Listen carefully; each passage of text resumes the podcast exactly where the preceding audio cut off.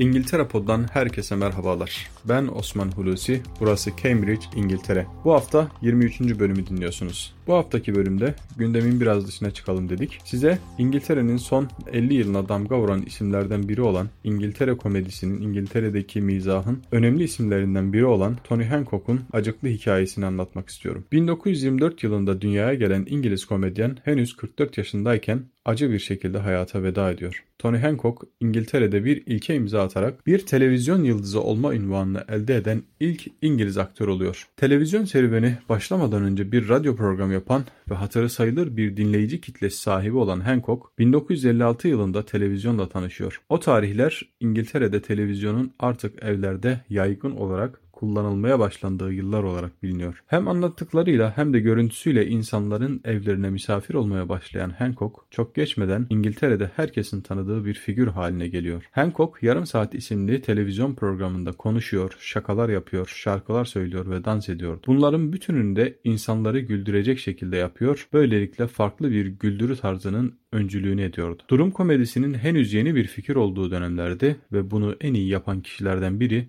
Tony Hancock'tu. Gösterinin merkezinde o vardı ve sürekli ters giden bir şeylerle mücadele halindeydi. Bu durumun toplumdaki karşılığı ise şu oluyordu. İşleri rast gitmeyen, son treni kaçıran, sürekli aksiliklerle karşılaşan insanların aklına ilk gelen şey Tony Hancock oluyor. Bu da insanların kendileriyle Hancock arasında bir bağ kurmalarına neden oluyordu. Tony Hancock İlk radyo programını 1954 yılında BBC Radyo'da yapmaya başladı. Hancock programa başlamadan önceki 10 yıllık süreçte ise kullanacağı karakterleri gözlemlemek ve inşa etmek için harcamıştı. Radyo programı 1954 yılına kadar devam etti. Yani 1956'da televizyona başladığı programdan sonra, televizyonda başladığı programdan sonra 3 yıl daha radyo programı yapmaya devam etmişti eş zamanlı olarak. Hancock'un doğallığı ve üslubunun kendine has oluşu birçok eleştirmenden tam not almış ve onu rakipleri arasında öne çıkarmıştı. Başarısı beraberinde maddi kazancı da getirmiş, Hancock hatırı sayılır bir servet elde etmişti. Her güzel hikayenin ağızda acı bir tat bırakan bir de sonu vardır. Tony Hancock için de bu kaçınılmaz son yaklaşmaya başlamış, ilk kopuşu oyuncu, yardımcısı ve yakın arkadaşı Kenneth Williams ile yaşamıştı ve onu programdan uzaklaştırmıştı. Hancock daha sonra kendisi için felaket sayılabilecek bir karara daha imza atmış ve hem radyoda hem de televizyonda başarısına büyük katkı sağlayan komedyen Sid James ile yollarını ayırmıştı. Hancock'un James'i filmlerdeki başarısından dolayı kıskandığı da söylenir. Artık çanlar Hancock için çalmaya başlamıştı. Başarı grafiği gittikçe aşağı doğru gidiyordu ve nihayet BBC 1961 yılında Hancock'un programını bitirdi bitirdi. Son programda artık James Hancock'un yanında bile değildi. Hancock insanların kafasına kazınmıştı. Kimse onu Tony olarak tanımıyordu. Çünkü o Hancock'tu ve onu başarılı kılan taktığı maskeyi hiç düşürmeme becerisiydi. Ancak yorulmaya başlamıştı. Yeni bir tarz getirerek kendinden öncekileri geride bırakıp öne çıkmıştı. Şimdi sıra başkalarındaydı. Hancock'un programını bitiren BBC çoktan başka komedyenlerle anlaşmış ve yeni yıldızları parlatmaya başlamıştı. O ise hızla batmaya devam ediyordu. Artık kendine alkole vurmaya başlamıştı. Hancock artık eski dönem adamı olarak anılmaya başlamış, yerini yeni dönem komedyenler olan Peter Cook, Jonathan Miller, Alan Bennett